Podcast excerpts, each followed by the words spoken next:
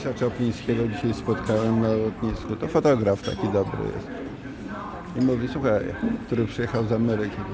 Czy Znało mi się pięć osób, pytało w ciągu ostatnich trzech dni, czyś ty naprawdę zrobił karierę. Wszyscy mają nadzieję, że jednak nie, no, że ja kłamię, że ten, a w ogóle to jestem w nędzy.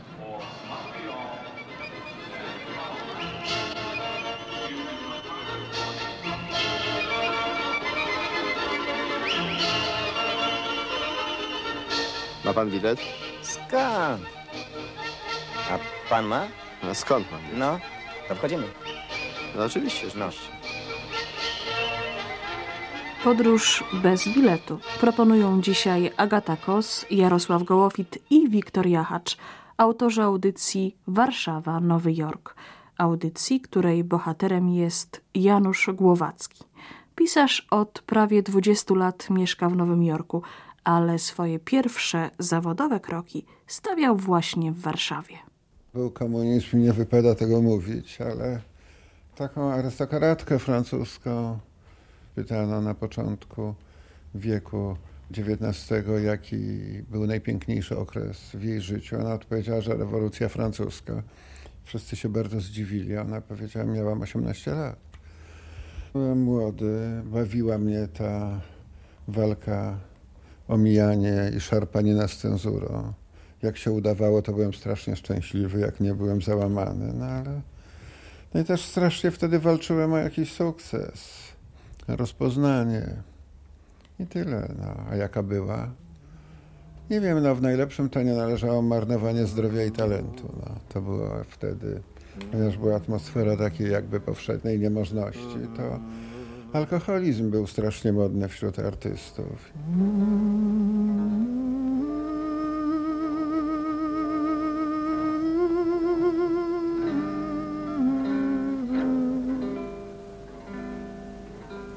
Były maje, były bzy. Byłaś też dziewczyno ty. To mnie wzrusza. Ty odeszłaś. Jestem ożywiony. Jakoś pobudza. A pan? A pan? Sukces w tamtych latach w Polsce, który zamierzałem osiągnąć, był czymś szalenie wstydliwym i niepopularnym. Czymś bardzo podejrzanym. Właściwie w Polsce była, no było bardzo mało ludzi bogatych i mało biednych. Na ogół były takie właśnie granice. Wszyscy jakoś tak ledwie żyli średnio. Jak ktoś wyskoczył, to mu od razu zazdrościli. Na przykład jak e, Łazuka zrobił karierę i przychodził do knajpy, on był takim pierwszą chyba gwiazdą w 60 latach, to wszyscy chcieli go bić. Nikt nie chciał się z nim napić, tylko mówili, co, pan jest Łazuka, tak? A ja jestem Misiek i mogę zawsze panu przydzwonić. I Łazuka rzeczywiście koniunkturalnie zaprzyjaźnił się z Kulejem i razem z nim chodził, ale Kuleja też chcieli bić, także było trudno. To był taki czas niemożności, gdzie takim najlepszym właściwie sposobem na spędzanie życia wydawał się w Polsce alkoholizm. Alkoholizm polski to w ogóle jest wielki temat. No ja należałem do takiej grupy obiecujących alkoholików, artystów, która zaczynała swój dzień w hotelu europejskim o godzinie pierwszej, bo to było pierwsze takie miejsce, gdzie można było usiąść pod hasłem doczekać zmroku. Film to był taki z Audrey Hepburn, no niewidomych, kiedyś bardzo popularny. Potem się przenosiliśmy do Spatifu. W Spatifie siedziało się do 12 w nocy. No Spatif to było takie cudowne przemieszanie, jedyne w swoim rodzaju sportowców, dysydentów, tajniaków, prostytutek jakiś. I tak dyskutowano tam właśnie szanse odzyskania niepodległości, napicia się dobrego piwa, okradzenia tam kogoś przy barze. A prostytutki patrzyły na to wszystko z wyższością osób, którym Bóg dał prawdziwy talent. Tak gdzieś po 12 wynoszono do szatni pijanych mistrzów olimpijskich. No i potem właśnie podjeżdżały polewaczki. Polewaczkami jechało się do ścieku. To kosztowało stówę bez polewania, 150 z polewaniem. On się zawsze pytał, kierowca lać, lej pan. Mówiło się, jak się chciało zaimponować panience.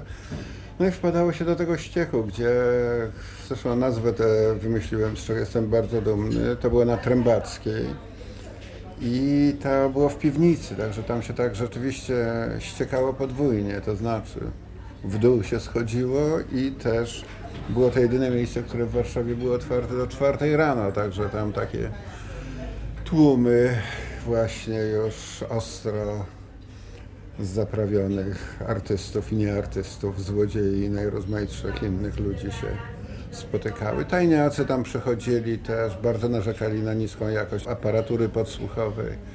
Wszystko było takie wzruszająco polsko, tragicznie idiotyczne.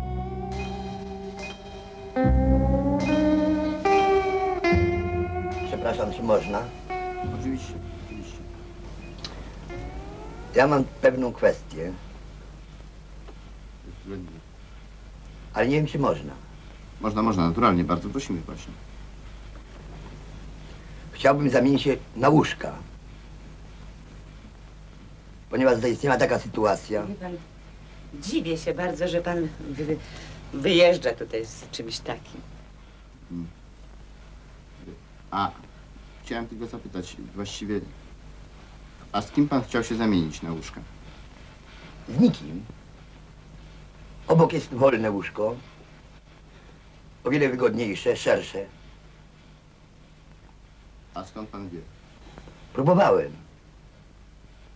No tak. Więc w tej sprawie właściwie mogę panu odpowiedzieć, że właściwie można się zamienić. To znaczy, yy, nie można. Chyba tak.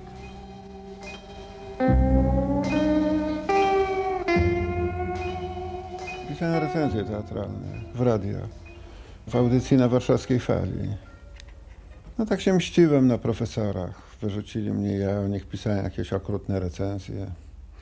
Potem o wszystkich napisałem źle, straciłem motywację i przestałem się interesować pisaniem recenzji znienawidziłem teatr na bardzo długo. I nie miałem takiego pomysłu, że będę pisać dla teatru, bo byłem nim naprawdę wymęczony, bo jak pisałem te recenzje, to czasem było w Warszawie po cztery premiery w tygodniu. Musiałem przychodzić i pisać na następny dzień. No zupełny koszmar to był. No potem poszedłem na polonistykę, potem na historię, potem skończyłem polonistykę. No i, i właśnie tam pisałem te recenzje.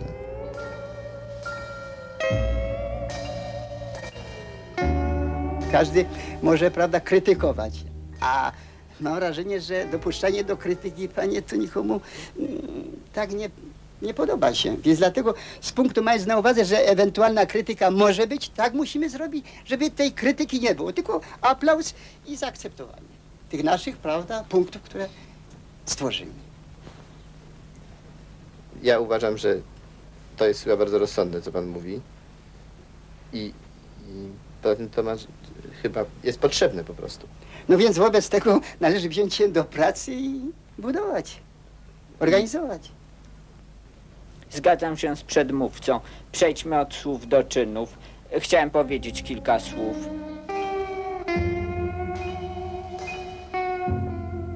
Pracowałem w Tygodniku Kultura, pisałem felietony. I tam debiutowałem też opowiadaniami. To były takie o czerwonej burżuazji tak zwanej.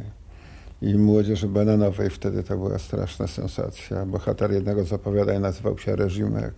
Ja napisałem taką krótką powieść, która się nazywała Wstęp do wierówki nonsensu. To zostało wydrukowane, a potem zdjęte w całości przez cenzurę i dopiero potem ukazały się dwa fragmenty tej książeczki jako takie opowiadania w tomie Wierówka nonsensu.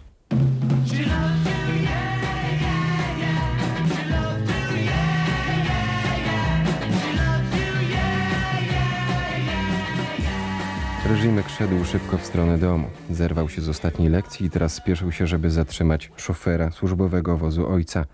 Miał skoczyć po niego pod szkołę. Wycwanił się. Za taki przyjazd bierze dychę. Z góry. Jak zdążę, to mu jeszcze dzisiaj odbiorę. Przez starego ten cały kłopot. Dawniej nawet samą teczkę szofer odwoził i w szkole starej porozmawiał w trudnych momentach, a przekonywać nauczyciela umiał. W tej nowej szkole oczywiście, bo w starej byli sami swoi, żadnych kłopotów w ogóle. Już już miał nawet Morisa kupić. Teraz mówi, że po maturze, a to w najlepszym razie jeszcze prawie rok. Tygodniówkę zmniejszył, wozu nie daje teraz nawet poprowadzić, potem dziwi się, jak się coś robi. Skręcił w cienistą aleję zastawioną solidnymi domami, wcisnął wyglądające z kieszeni farmerskiej bluzy dwie nowe pocketbooks i pocztówkowe nagranie Beatlesów. Przygładził krótko strzeżone włosy, uśmiechnął się.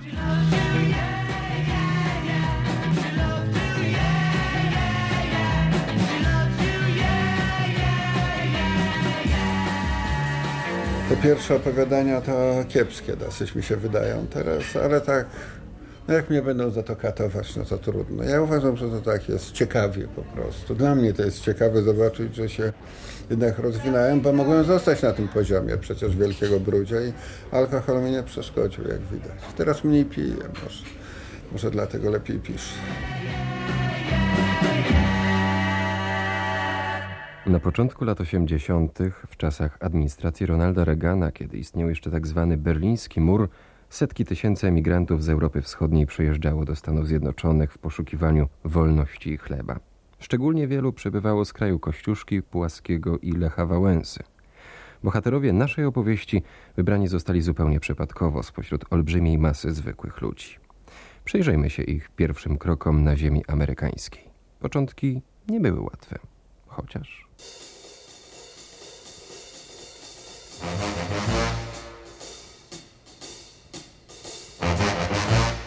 Jeżeli coś napiszę, to wiem, że to przeczytają, a to jest strasznie ważny moment. Tam w ogóle dojść do tego, żeby ktoś przeczytał sztukę, to jest bardzo ciężka sprawa, tam jest straszny tłok. Przychodzą do teatrów straszliwe ilości sztuk i w większości z nich nikt nie czyta, albo czytają tacy właśnie niskopłatni czytacze, którzy je kartkują. Bo ci, co naprawdę się ich czyta, to jest ich niewielu, to wiadomo kto to jest. Także tam przebić się jest bardzo trudno, naprawdę. To jest trudna sprawa, wymaga szczęścia też, tak jak wszystko.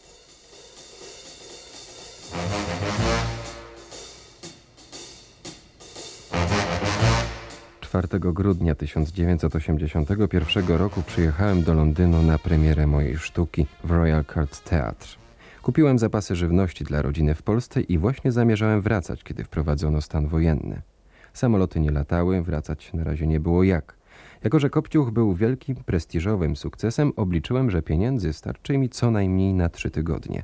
Jedynym rozsądnym wyjściem wydawało mi się pogrążenie w alkoholizmie. Niespodziewanie Joe Murphy, rektor sławnego Bennington College w stanie Vermont, zaprosił mnie na wykłady, a mój wielki przyjaciel z International Writers Program z Iowa, Paul Ingle, przysłał mi pieniądze na bilet. Urzędnik imigracyjny amerykańskiej ambasady w Londynie ze sceptycznym uśmiechem słuchał zapewnień, że powodem mojego przyjazdu do Stanów Zjednoczonych nie jest ani chęć rozsiewania chorób wenerycznych, ani przygotowanie zamachu na prezydenta, tylko spełnienie młodzieńczych marzeń o wystawieniu sztuki na Broadwayu. Po półgodzinnym przesłuchaniu, gdybym miał chociaż odrobinę godności, powinienem obrazić się i wyjść, ale przypomniało mi się ostrzeżenie redaktora gazety, w której kiedyś pracowałem. Januszku, zawsze wystrzegaj się pierwszych reakcji. Mogą być uczciwe. Spokorniałem i drzwi do demokracji uchyliły się przede mną. W pół roku później, ubrany w swój odświętny emigracyjny garnitur, ustawiłem się w kolejce po zniżkowe bilety do teatru na Broadwayu. Trochę mnie zdziwiło, że na afiszach nie widzę nazwisk wielkich amerykańskich dramaturgów, ale pocieszyłem się, że widocznie świat poszedł naprzód, a teatr wraz z nim. Z drugiej strony, w Związku Radzieckim nazwiska wielkich pisarzy też poginęły i to często razem z ich właścicielami, chyba że zdarzyło im się przenieść właśnie do Ameryki. Tak więc obejrzałem z należytym szacunkiem 48 sztuk i niezrażony tym doświadczeniem pomyślałem, że Amerykanie z pewnością wiedzą, co robią, tyle że jak na razie Broadway jest nie dla mnie.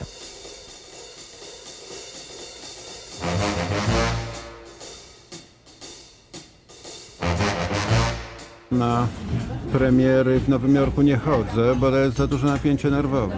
Po prostu, dlatego że to jest wyrok, który no, na dwa lata jest ważny mniej więcej. To znaczy, jeżeli tam mi skoszą sztukę, no to jest katastrofa. A jeżeli dobrze pójdzie sztuka, to ją bierze bardzo wiele teatrów i sprzedaje do filmu. Także to jest olbrzymia różnica, straszliwe napięcie. Tę ostatnią premierę Antygony przeżyłem w barze naprzeciwko teatru, gdzie się upijałem, czekając na wynik, czyli na 11.15, kiedy wnoszą New York Timesa z recenzją do teatru w dniu premiery. No i to już wszystko wiadomo. Wtedy jak jest dobrze, to wszyscy kochają, jak jest źle, to mnie nie poznają, ale to już jest przynajmniej jasna sytuacja, bo tak to wszyscy tak kręcą. Producent się tak uśmiecha, ale stoi bokiem, reżyser też taki niepewny, czy warto mi rękę podawać jeszcze. No i tyle.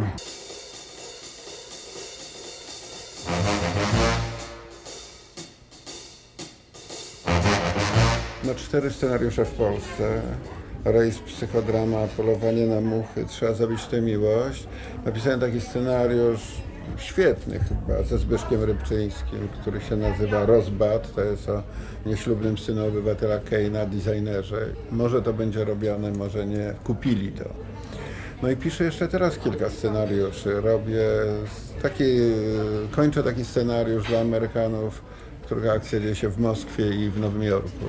No i jeszcze, jeszcze jeden taki napisałem, który się nazywa No Smoking Section. A z kolei Amerykance tutaj. Także dużo piszę scenariuszy i to byłoby jakieś, no, 500-600 stron, no to już paranoja. No. Ja bym wydał chętnie, chętnie bym ten rejs wydał. Oczywiście to byłoby do spółki z Markiem Piwowskim, ale zrobił się film kultowy i warto go jakoś zapisać może, bo wszyscy znają na pamięć te dialogi, ale je zmieniają trochę. To ja uważam, że już nie będą w takiej formie oryginalnej może.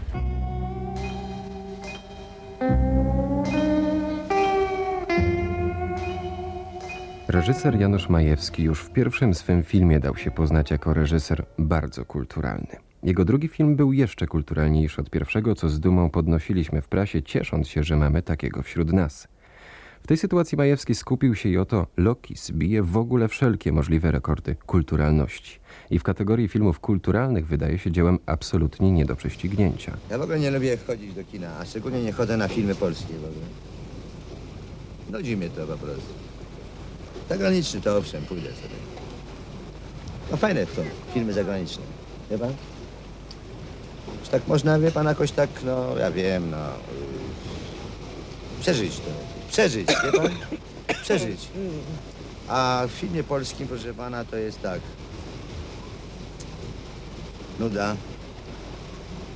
Film oglądałem z rosnącym uznaniem i wyszedłem zafascynowany zamysłem reżysera, który nie poddał się tak modnej obecnie w kinie, zwłaszcza oczywiście zachodnim, tendencji do zainteresowania widza akcją, bohaterami i w ogóle tym, co się dzieje na ekranie. Trud Janusza Majewskiego jest tym bardziej godny uznania, że do swego twórczego zabiegu wybrał wyjątkowo niewdzięczny teren. Ukulturalnia on mianowicie firmy grozy i fantastyki, gdzie szczególnie łatwo jest ulec pokusie i ześlizgnąć się na manowce, przestraszyć, zaskoczyć albo zabawić. Wielu zachodnich mistrzów, takich jak Hitchcock, Clouseau czy Polański, wywróciło się na tym, robiąc filmy w sposób płytki, prymitywnie epatujący widza. Pan aż dziw bierze, że nie wzorują się na zagranicznych, proszę pana. Wie pan, już tam... Niech pan weźmie na przykład aktora, proszę pana, e, zagranicznego. A ten aktor zagraniczny, proszę pana, to jego twarz coś, wie pana, nie wiem jak tutaj... Trudno mi w tej chwili powiedzieć, wie pan, coś takiego wyraża, wie pan, jakoś tak, e, no... No wie pan o co mi chodzi. A polski aktor, proszę pana... Można sobie powiedzieć, że zmagania Janusza Majewskiego uwieńczył pełny sukces. Reżyser zwycięsko walczył literacki pierwowzór Merimego, który wpadł na ironiczno-makabryczny pomysł przedstawienia dzieł potomka brunatnego niedźwiedzia odchyleńca, wyżywającego się erotycznie na hrabinie Szemiotowej przy jej, jak należy przypuszczać, niepełnej akceptacji. Oczywiste reżyser odrzucił pomysł ukazania wspomnianego wydarzenia na ekranie, ponieważ słusznie wydawało mu się to chwytem zbyt tanim, zbyt narzucającym się, mogącym odciągnąć uwagę widowni od spraw zasadniczych. Zamiast tego prymitywnego grania na najniższych instynktach, poinstruowany przez reżysera Gustaw Ludkiewicz wprowadza nas w piękny, kolorowy świat szkiców Franciszka Starowiejskiego na ten temat, które aktor kolejno podsuwa pod kamerę, opatrując je epickim komentarzem. Pana, siedzę sobie, proszę pana, w kinie. Pan rozumie? Tak patrzę sobie, siedzę sobie w kinie, proszę pana, normalnie. Patrzę, patrzę na to. No i aż mi się chce wyjść z, kina, proszę. I wychodzę. Ja lubię dialogi, po prostu, tak mówiąc poważnie. Bardzo lubię pisać dialogi, a wtedy jeszcze o teatrze nie myślałem. Natomiast film ja bardzo lubię. Ja w ogóle bardzo często chodzę do kina, za często prawdopodobnie, bo wszystko mi się już kręci, myli, tylko pamiętam jakieś tam sceny. Czasem oglądam trzy filmy dziennie nawet. I, taką mam sieczkę jakąś w głowie straszną, ale złe filmy ja mogę oglądać. Ja się jakoś relaksuję oglądając filmy, a też, a też przychodzą mi do głowy rozmaite pomysły. Nie takie, że koniecznie ściągał, chociaż inspiruje się pewnymi rozwiązaniami, że tak powiem, ale lubię kino. Kolejne pytanie. Proszę bardzo. Zwierzę domowe, hodowlane, występujące nad Wisłą. Podać jego odgłos. Proszę powtórzyć pytanie. Zwierzę domowe, hodowlane, nad Wisłą, odgłos. Piotr Pietrzyk, Rzeszów. Pan mnie źle zrozumiał. Nie chodzi mi o pańskie nazwisko, tylko mówię, że nad Wisłą. I odgłos. Ile mam czasu na odpowiedź? Ale konkretnie, wie pan czy pan nie wie? Oczywiście, że krowa. Co na to jury? Krowa też, ale nam chodzi o... O konia. O konia. Podać jego odgłos. Stop! Stop! Czas minął. Co na to jury? Niestety odpowiedź niepełna. Nam chodzi o odgłos paszczą. O. Pat- pat- Patataj, patataj, patataj, patataj.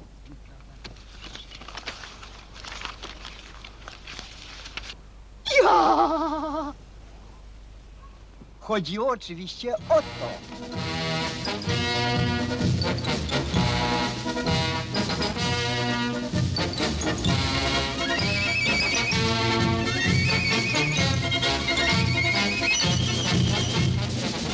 No ja jestem bardzo wyczulony na absurd. W Polsce to było dość proste, ale w Ameryce też to jest dosyć proste. To nie jest wcale tak, że absurd jest jakby sprawą czysto polską.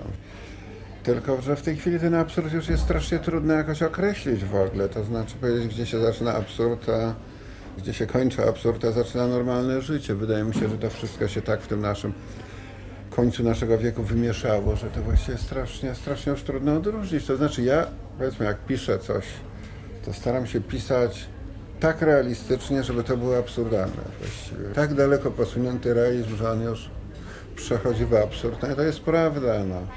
No, spotkałem takiego w innej wersji, to powiem, szekspirowskiego aktora, który w tej chwili zarabia sprzedając, przywożąc do Polski stare samochody.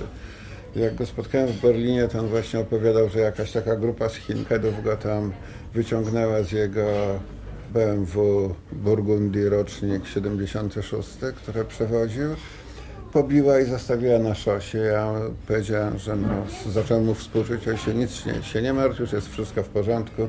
Nawiązałem kontakt z taką bardzo wpływową gałęzią mafii rosyjsko-niemieckiej. Już mi załatwiają papiery.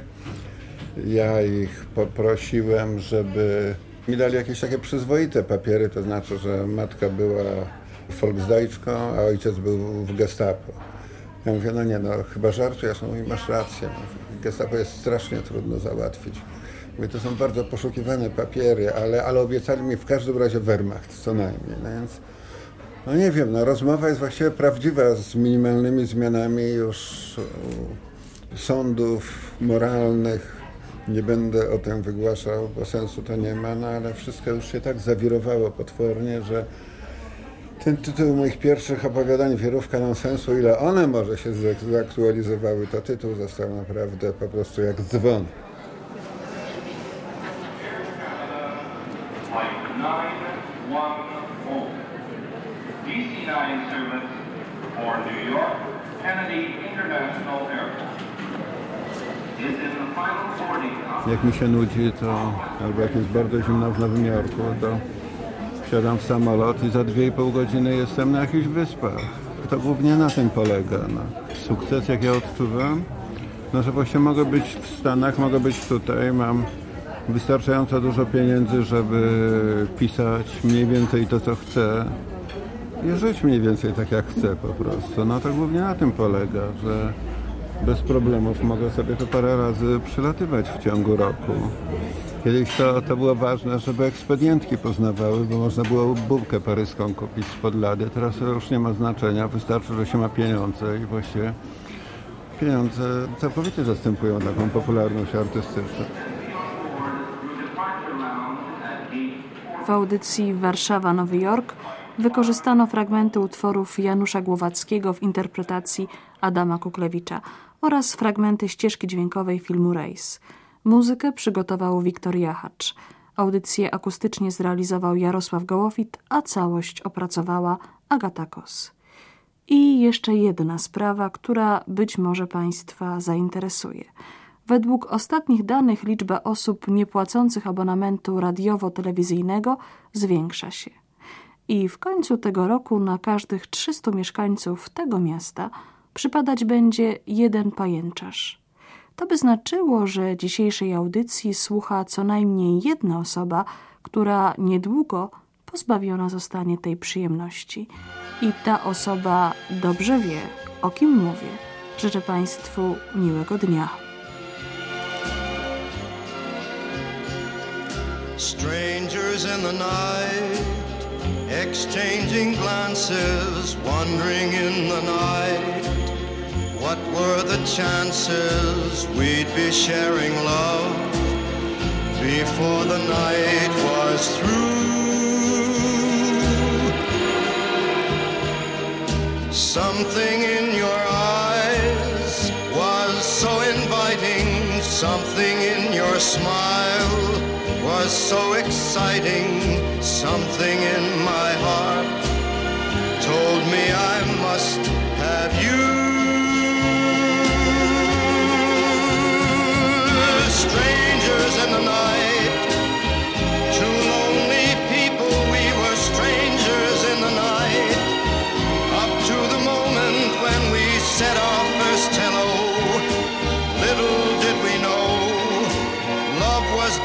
glance away, a warm embracing dance away. And ever since that night, we've been together, lovers at first sight.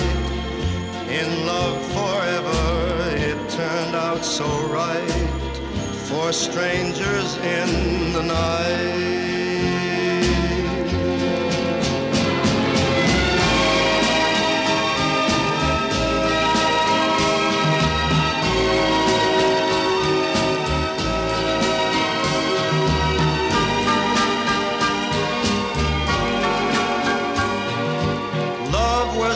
Just a glance away, a warm embracing dance away. Ever since that night,